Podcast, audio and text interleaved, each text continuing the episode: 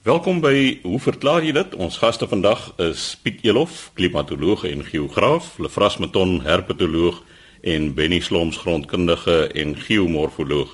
Lefras, ons begin by jou en jy het 'n probleem met 'n akedus in die wasmasjien. Gelukkig is dit nie my probleem gewees nie. In elk geval ons het 'n brief gekry van Marie Peshay. Ek is nie seker hoe mens dit van uitspreek nie. P E C H E. Sy's van Lutrigat. Sy sê sy het nou 'n uh, tydjie gelede 'n gewone akedus, skat dit is nou maar een van hierdie tuinakedusse, onwetend saam met 'n bondel wasgoed in die wasmasjien met koue water gewas en toe sy die wasgoed uithaal, sien sy toe nou die arme dier wat daar in die gewaste gordyn vassit en uh, sy het gedink hy's dood, maar na tydjie het sy die akedus begin asemhaal en hy het weggeloop na tyd. So sy wil nou weet hoe is dit dan nou moontlik dat 'n akedus so 'n sessie kan oorleef. Nou eerstens ek moes nou gisterand gaan kyk hoe lyk 'n wasmasjien se binnekant want ek het lank laas na die storie gekyk en dit is 'n lelike besigheid so 'n halwe propeller besigheid wat daar in die middel in die ronde draai. Maar gelukkig was hier dan nou 'n klomp was goed lappe en goed en mens dink die akedus het waarskynlik 'n baie positiewe ervaring gehad. Jy weet amper soos 'n lekker massering en dat daai deel dan nie te erg was nie. So die groot probleem is waarskynlik nou die water. Hoe het 'n akedus Piet, wat jy wil iets sê? Ja, ek wil net jou vra hulle vras gewoonlik word daar seep bygegooi in 'n wasmasjien. Daai akedus moes asem opgehou het of sy bek redelik toegehou het vir 'n lang tyd om net die seep ja. in te kry. Ja. Ek het ek het skoon vergeet van die seeppoeier, maar ek skat hy het hom sy mond toegehou en sy oë toegeknyp, maar die water so uh, was sessie kan hom seker maklik hier by 20 minute duur. So die vraag is dan nou, hoe kon hy nou so lank oorleef sonder om asem te haal en nie te verdrink nie? Nou die antwoord is eintlik baie eenvoudig. Ons weet akedisse is natuurlik ektoterme, hulle is koudbloedig, so hulle liggaamstemperatuur is nou in koue water is, dan gaan hulle liggaamstemperatuur afneem. Hulle metabooliese tempo is baie laag, hulle dis baie min suurstof nodig. En 20 minute is eintlik maar 'n baie kort tydjie vir 'n akedus om sonder suurstof te kan oorleef. Ek het ver oggend met Hannes van Wyk daar by my departement gepraat en hy sê Hy het op die ou volk akedus daar in die Vrystaat gewerk. Nou die akedisse bly mos aan gate in die grond en dan kom hierdie reëns en dan is daai gate vir baie lang tye onder water. En dan is dit dat daai akedus uitkom, daai akedus, hy sê tot langer as 'n week sit die akedus onder die water en oorleef. So 20 minute is nie te erg nie. Dit is maar net hierdie diere het 'n lae metabooliese tempo as hulle koud is en uh, hulle het dus nie baie suurstof nodig nie. Is natuurlik 'n ander storie vir soogdiere en voëls wat nou warmbloedig is. Lefras, ek dink dis 'n baie gelukkige akedus daai. Want soms stel die vrouens nie net koue water in die wasmasjien en hulle stel hom ook warm en dan is daai akedus in die moeilikheid. Ek wil net weet of die persoon gekyk het na die kleur van die akedus want as die wasgoed in die wasmasjien gegooi word, wil die vrouens hom gewoonlik wit sien aan die ander kant. Het daai akker dus van kleur verander ja of nee? Ek kan nou nie daarop antwoord nie, maar net gelukkig sê dan gesê dit was koue water as dit nou 'n warm was was dan uh, sou die akedus natuurlik sy liggaamstemperatuur gestyg het en hy sou sy metabooliese tempo het gestyg en meer suurstof sou nou nodig gewees het en dan sou hy waarskynlik vir 'n korter tydjie sonder suurstof oorleef het. Lafras, uh, jy moet 'n baie ou wasmasjien hê by jou huis. Maar die moderne wasmasjiene het 'n silinder wat in die ronde draai en tydens die wasproses is die hele balie nooit heeltemal gevul met water nie. Die helfte is lug wat daar binne is. So die akedus sou definitief asem kon haal in die wasproses. Die uh, propeller waarvan jy gepraat het, dit is van hierdie regop staan wasmasjiene waar jy so arm het wat so heen en weer, heen en weer draai. So dit maak 'n totale verskil. Daar kon die akedus die hele tyd onder die water gewees het en uh, sou dit voldoen aan jou verklaring wat jy van praat. Maar ons moet uitvind wat se wasmasjien het sy gehad. Miskien net 'n uh, opmerking binne in daai geval as jy hierdie Bali masjiene gebruik, dan kon die akedus redelik gereeld kop bo water gehou het. Ek aanvaar dat die akedus was redelik toegedraai in die materiaal en daardie materiaal is so deurdrink van die water dat dit in effek is die akedus onder water vir daardie hele periode. Lefras ek sou raai dat daai akedus se binnegoed baie skoon aan die kant uitgekom het. Nou my vrou het nog nooit 'n akedus gewas nie, maar sy's baie lief daarvoor om geld te was. Sy kyk nooit of daar geld in my sak is nie en ek het al dikwels papiernote uit 'n broek se sak gekry wat deur die wasmasjien en deur die strykproses is. Ek wil net beamoen dat dit was sekerlik die skoonste akedus op daardie stadium in Suid-Afrika en dan die geld is in die hak maar as daar een of ander papiernotaatjie in jou sak was en dan kom die wasgoed uit en met al hierdie wit stukkies wat oral sit. Nou ek staan vroeg op in die oggende en as ek by die werk kom dan sien ek later o, ek is oortrek met stukkies wit papier. Ek hoop die tyd laat dit toe maar as dit dan ook nog 'n ander kort vragie van Letitia Bischoff van Caledon. Ons het vir Lydia 'n hele paar keer gesels oor die die skurwe paddas wat in die huise kom en dan vat die mense die paddas weg en daarna tydjies die padda weer terug. Sy sê sy het ook nou al hierdie paddas, sy sien nou net een soort hê, daar's nou ook 'n kleiner soort wat nou daar aangekom het en dit sê dat Jack Russell en katte en almal is ywerige muis en molvangers maar hulle laat die paddas met rus. Sy het ook die paddas weggevat maar hulle is na 'n tydjie weer terug en sy het nou maar boedel oog gegee en leef dan nou maar so saam met die paddas. Nou eerstens net sy wil weet is dit nou twee soorte paddas En uh ek het hierso die fotos wat ek net hier vir Piet en Benny wil wys. Dit is die kleiner soort, hy so mooi helder kleure op die voorkop en dan is daar die groter ene wat nou heel vaal is. Nou ek het goeie nuus vir haar, dit is net een soort padda. Die wat nou die helder kleure het is die jongetjies en die groter een is die volwasse padda. Dit is nou die lawaai skurwe padda. Hy kom wyd versprei hierso in die suidelike dele van die land voor. So die vraag dan is, hoekom het die jong paddetjies, hoekom lyk hulle het hulle nou sulke helde klere? Ek dink by die meeste diere, voëls, soogdiere sal die helde klere eers op 'n later stadium ontwikkel en die kleintjies is maar redelik kripties gekleed.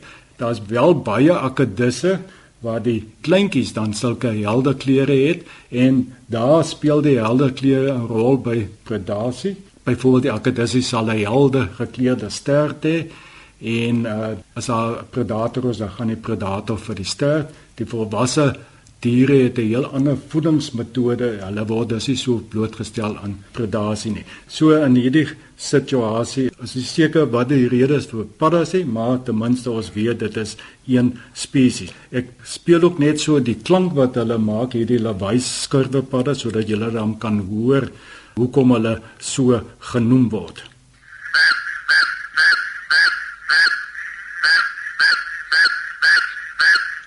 Ja, sy so ek hoop ons het dan net haar vraag beantwoord. Ek is nie altyd seker die mense wat die paddas wegvat en dan sê hulle kom terug. Hoe weet hulle dit is dieselfde padda? Ek dink min mense besef dat in 'n omgewing is daar 'n hele klomp individue.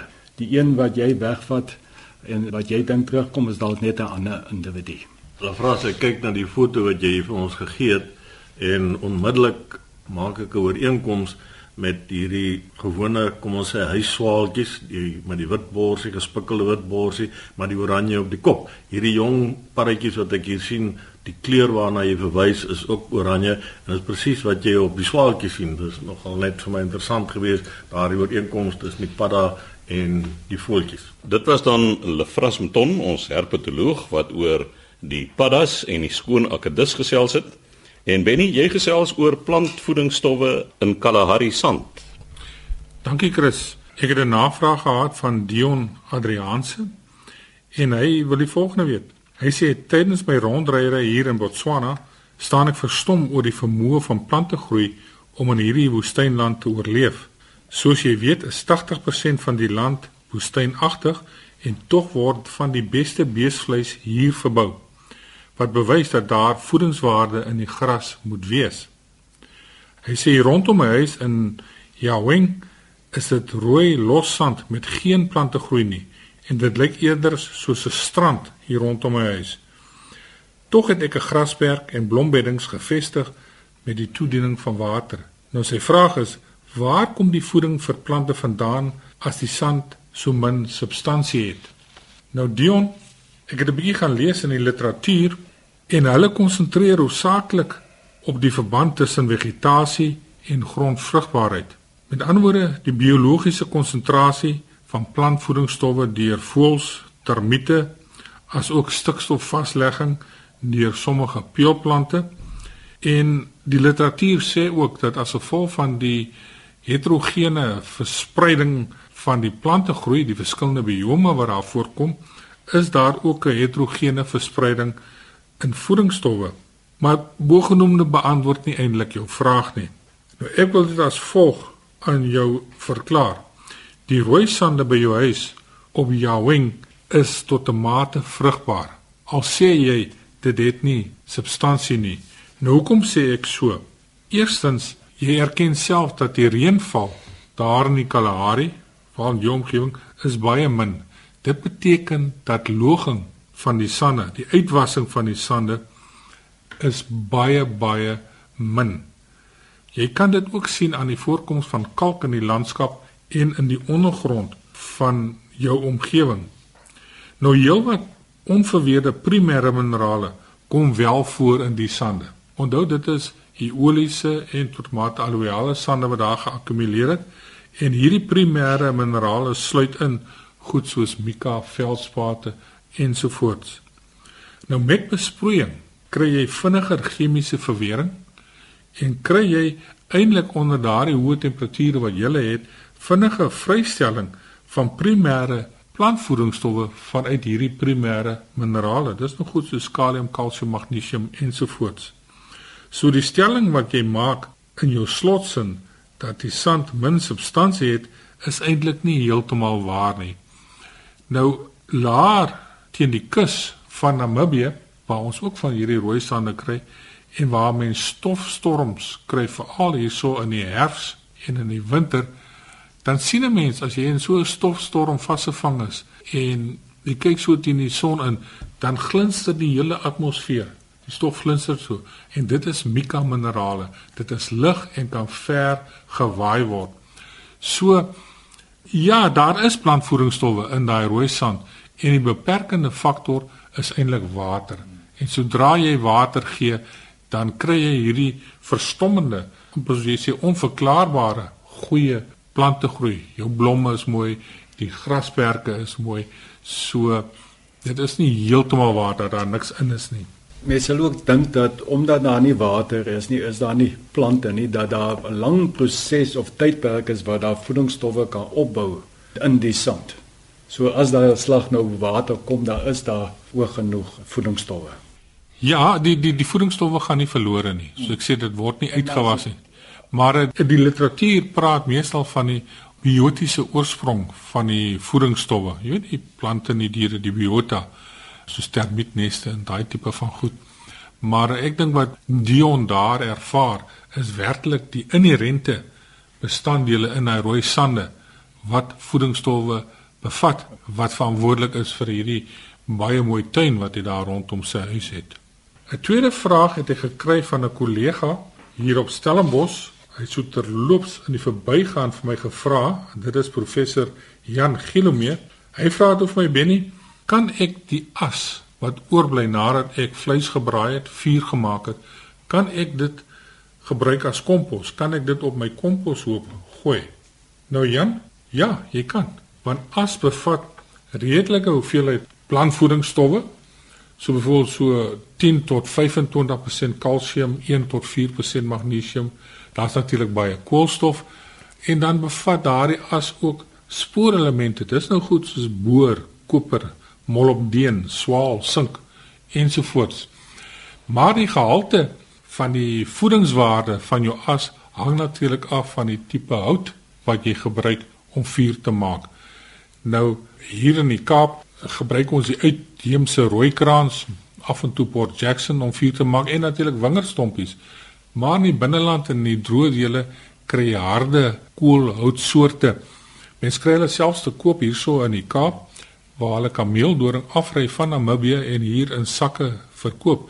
Nou daardie harde koolhoutsoorte sal vir jou natuurlik 'n totale ander chemiese samestelling gee van wat beskikbaar is as wat hierdie sagter hout hier onder by ons. So om jou vraag te beantwoord, ja, jy kan dit gebruik en gooi dit gerus op jou komposhoop en meng dit daarmee. As is net nie 'n lekker ding om mee te werk nie. Hy as die wind waai dan is die hele wêreld onder die as en hy, hy kleur maklik hier aan jou hande, maar verseker gebruik dit. Daar's net een voorbehoud. Sommige houtsoorte kan ook toksiese stowwe bevat. En waarmee asseblief prof, moenie daarmee jou vleis braai nie, onder andere die hakia wat ons hier in die Boland kry. Nou die hakia bevat blousuur of sianiet. En dit word vrygestel as jy vuur maak daarmee en ek dink nie enigiemand van ons wil ons choppies braai op hout wat vir jou blousuurdampe afgee nie. So dit kan hoogs toksies wees. Benny, ek het gehoor hierdie wat sal mense dit nou noem briquettes, wat is dit in Afrikaans? Briquette natuurlik. Donkieboller. Dat jy hy moet eers mooi gloei voor jy jou vleis opsit want daar kan ook nou nog toksiese goed afgeskei word of dit gee die vleis se geur. Jy's heeltemal reg, Rafras. Jy kan as jy daar staan, dan reik jy dit. Terwyl daardie houtskool of die brikette nog besig is om uit te brand, dan is daar so rookie wat trek en dit ruik nie lekker nie. So ek sal ook nie my vleis daarop sit nie. Die oplossing is eenvoudig. Ek meen, skink nog 'n glasie wyn en gaan sit rustig totdat hy nou totaal uitgebrand is, mooi uniform, dan jy uniforme hitte ook as jy dit gelyk trek en daardie goed hou verstommend lank as jy vleis wil braai. Om die waarheid sê, in baie gevalle werk dit beter as hout hierdie houtskool of saamgeperste houtskool wat ons gebruik vir vuur maak. Nee, en ek dink 'n ander belangrike ding is dat mense soms vuur maak of 'n vuur begin aansteek met denne hout wat behandel is toksies asseblief moenie dit gebruik nie. Daai gifstowwe wat daarin is om te beskerm teen insekte en die tipe van goed is nie iets waarop jy jou vleis wil braai enigsins nie. Wel die groen kleur wat jy kry by hierdie denne pale. Dit is sianiet wat hulle gebruik daarso. Kyk die swarte is teer. Nee, maar hy stink so dat jy nie jou ja, ja, vleis daarop braai nie, maar dit is so want daai goed is met chemiese goed uh, behandel wat toksies is vir die verrottingsswamme, maar ook toksies is vir ons wat ons vleis braai daarop. Ook as jy 'n kaggel het, moet jy maar seker maak dat jou ventilasie goed is want dan kan jy daai dampe natuurlik in jou huis kry. Wat baie interessant is, perskebome, perskebome wat versuip, met ander woorde wat nou onder anaerobiese toestande blootgestel is en dan vrek. Dat daar word blousuur ook gevorm binne in die hout van die perskeboom onder sulke toestande. So selfs perskehout kan vir jou blousuur gee, kan toksiese stowwe bevat wat nadelig is vir jou gesondheid. Benny dan kry jy mens baie vinnig die reputasie dat jy 'n giftige choppie braai. Maar 'n storie wat ek eendag gehoor het en ek weet nie of dit 'n bollaar storie is nie, is dat as die pH van jou grond mag beïnvloed. As sal natuurlik neutraal tot alkalies wees, maar jy moet daarom baie as gooi om die pH van die grond te verander. Jy weet natuurlik hoe meer kleierig jou grond is, hoe meer kalk het jy nodig om die pH op te stoot per eenheidsoppervlakte. 'n Sand se pH kan mens relatief maklik verander met min bekalkingsstowwe, maar kleierige grond nie. Die ander ding wat natuurlik ook belangrik is, as jy jy sien baie keer mense verbrand hout as hulle boorde uittrek of op saailande waar hulle die stoppel in die brand steek, daar waar die koringstoppels in rye gegooi word, dan met die volgende reën die opslag dan staan die opslag heelwat hoër daar en is groener. So boonbehalwe die plantvoedingsstowwe wat 'n mens kry deur die verbranding van die organiese materiaal, het jy daar ook die sekondêre effek van hittesterilisasie wat plaasgevind het van die boergrond wat vir jou natuurlik ook 'n beter medium gee vir die volgende goed wat jy daar saai of plant. So sê Benny Sloms, ons grondkundige en geomorfoloog. Laaste aan die woord Piet Elof. Piet, jy gesels oor warm lug wat teen die berg afwaai en dan verdwyn. Ja, Chris, ek het 'n brief gekry hier van Koos Joubert daar van Georgia en hy skryf soos volg. Hy sê aan die seekant van die lange berge in die Suid-Kaap is die warm bergwind goed bekend. Dit waai gewoonlik so 'n dag of wat voor 'n naderende koue front ons bereik. So vallend dat die wind naby die berg waai dat soos hy skryf die bissies bewe. Maar so 5-6 km weg van die berg af is daar so te sê niks wind nie. Hy sê wat hy nie verstaan nie is wat word van al die warm lug wat in die berg afkom en dan sommer in die niet verdwyn. Nou George, ek dink nie dit is 'n uh, moeilike verklaring wat ek hoef te doen nie. Ek wil net so een of twee faktore vir jou noem. Een van die faktore is natuurlik topografie wat windspoed en windrigting beïnvloed. Die wind wat berg afwaai het te doen met lugdruk verskille en daarom ook met die temperatuur van die wind, byvoorbeeld warm bergwinde soos jy dit noem. Topografie speel 'n belangrike rol. As ek maar 'n plaaslike voorbeeld kan noem, die suidoos waai op Stellenbosch dat nie net die bissies bewe nie, maar dat die studente meisies verkies om kort, baie kort blou jeans te dra. Die suidoos het die vermoë om lang losrokkies op te lig. Die topografie veroorsaak dat dele van die dorp is wat geen wind ervaar nie, terwyl ander dele erge wind beleef. Nou, die punt is net die warm lug is nie weg nie. Die warm lug wat van die berg afkom is eintlik nou die resultaat, jy sê net voor dat die reën kom, is gewoonlik die resultaat van 'n kuslaagdruk wat van die Weskus af om die Suidkus beweeg. En dis veroorsaak dat jy die wind uit die binneland uit wat hoër druktoestande het afdaal oor die platoorand en dan adiabaties verhit. Nou daar is gewoonlik 'n dag of wat dan is die moontlikheid van reën daar, maar hierdie warm lug het nie verdwyn nie, dit het gewoon net gemeng met koeler lug wat nader aan die see is en jou windtoestande het as gevolg daarvan verander. Teen die berg af en daar is gevalle waar vliegtye en sweeftye teen die berg vasgedruk is as gevolg van die turbulensie wat daar volg as die wind oor die berg kom teen 'n sekere hoek, daar's meestersgrade geskryf daaroor, terwyl verder van die berg af is daardie turbulensie weg en het die warm lug met koeler lug naby die see, jy sê self 5-6 km van die berg af, met ander woorde jy is nader aan die see en het koeler geword en is daardie turbulensie wat ons het is weg en net so ook die windsnelheid, die windspoed wat ons dit ook al wil noem. Koos ek vermoed dat daardie warm lug sodra dit dan vermeng het met die koeler lug naby die kus 'n bietjie van sy aggressiwiteit verloor het en dus ervaar jy 5-6 km van die berg af nie dieselfde toestande as wat jy in woonbuurte ervaar wat baie naby aan die berg hang of die bergvoet heers nie. Piet, ons het net nou oor braai hout en as gepraat. Jy het ook 'n braai vraag en dis 'n luisteraar wat glo 'n besonderse aantrekkingskrag vir sy braaivuur se rook het.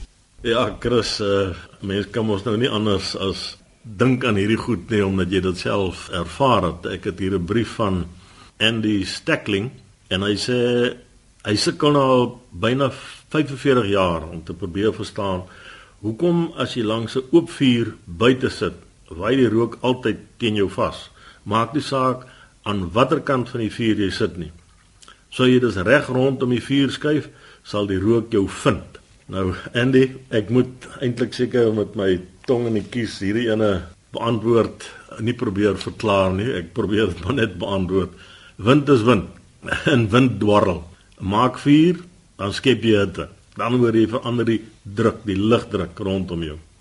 En jy sal daarmee saam ook die windrigting beïnvloed.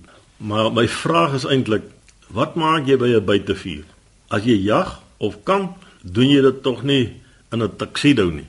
Wat maak dit saak as jy na rook ry? Jy die natuur geniet. Laat vrou lief haar paraphernalia en lekker ryk goed aanspuit en wegsit van die vuur af. Jy het 'n keuse. Bly by die huis, bly binne in die huis, uit die rook uit. Jy moet as jy nie na rook wil ryk nie, wil ek dit afsluit deur te sê, as jy nie na rook wil ryk nie en jy het 'n buitevuur gemaak, you the loser. So asseblief Moenie bekommerd wees oor daardie rook nie. Kyk maar in watter rigting hy beweeg en soos die ou storieetjie gaan play musical chairs. Skuif jou stoel rond uit die rook uit. Ek dink ons kan nou kollekte opneem. amper laat jy my verstik en ons het nog nie eens vleis gebraai nie. daarmee het ons dan aan die einde gekom van vandag se program Piet Elof, ons klimatoloog, geograaf en rookkenner. Skryf aan, hoe verklaar jy dit? Posbus 2551 Kaapstad 8000 of stuur 'n e-pos aan chris@rsg.co.za.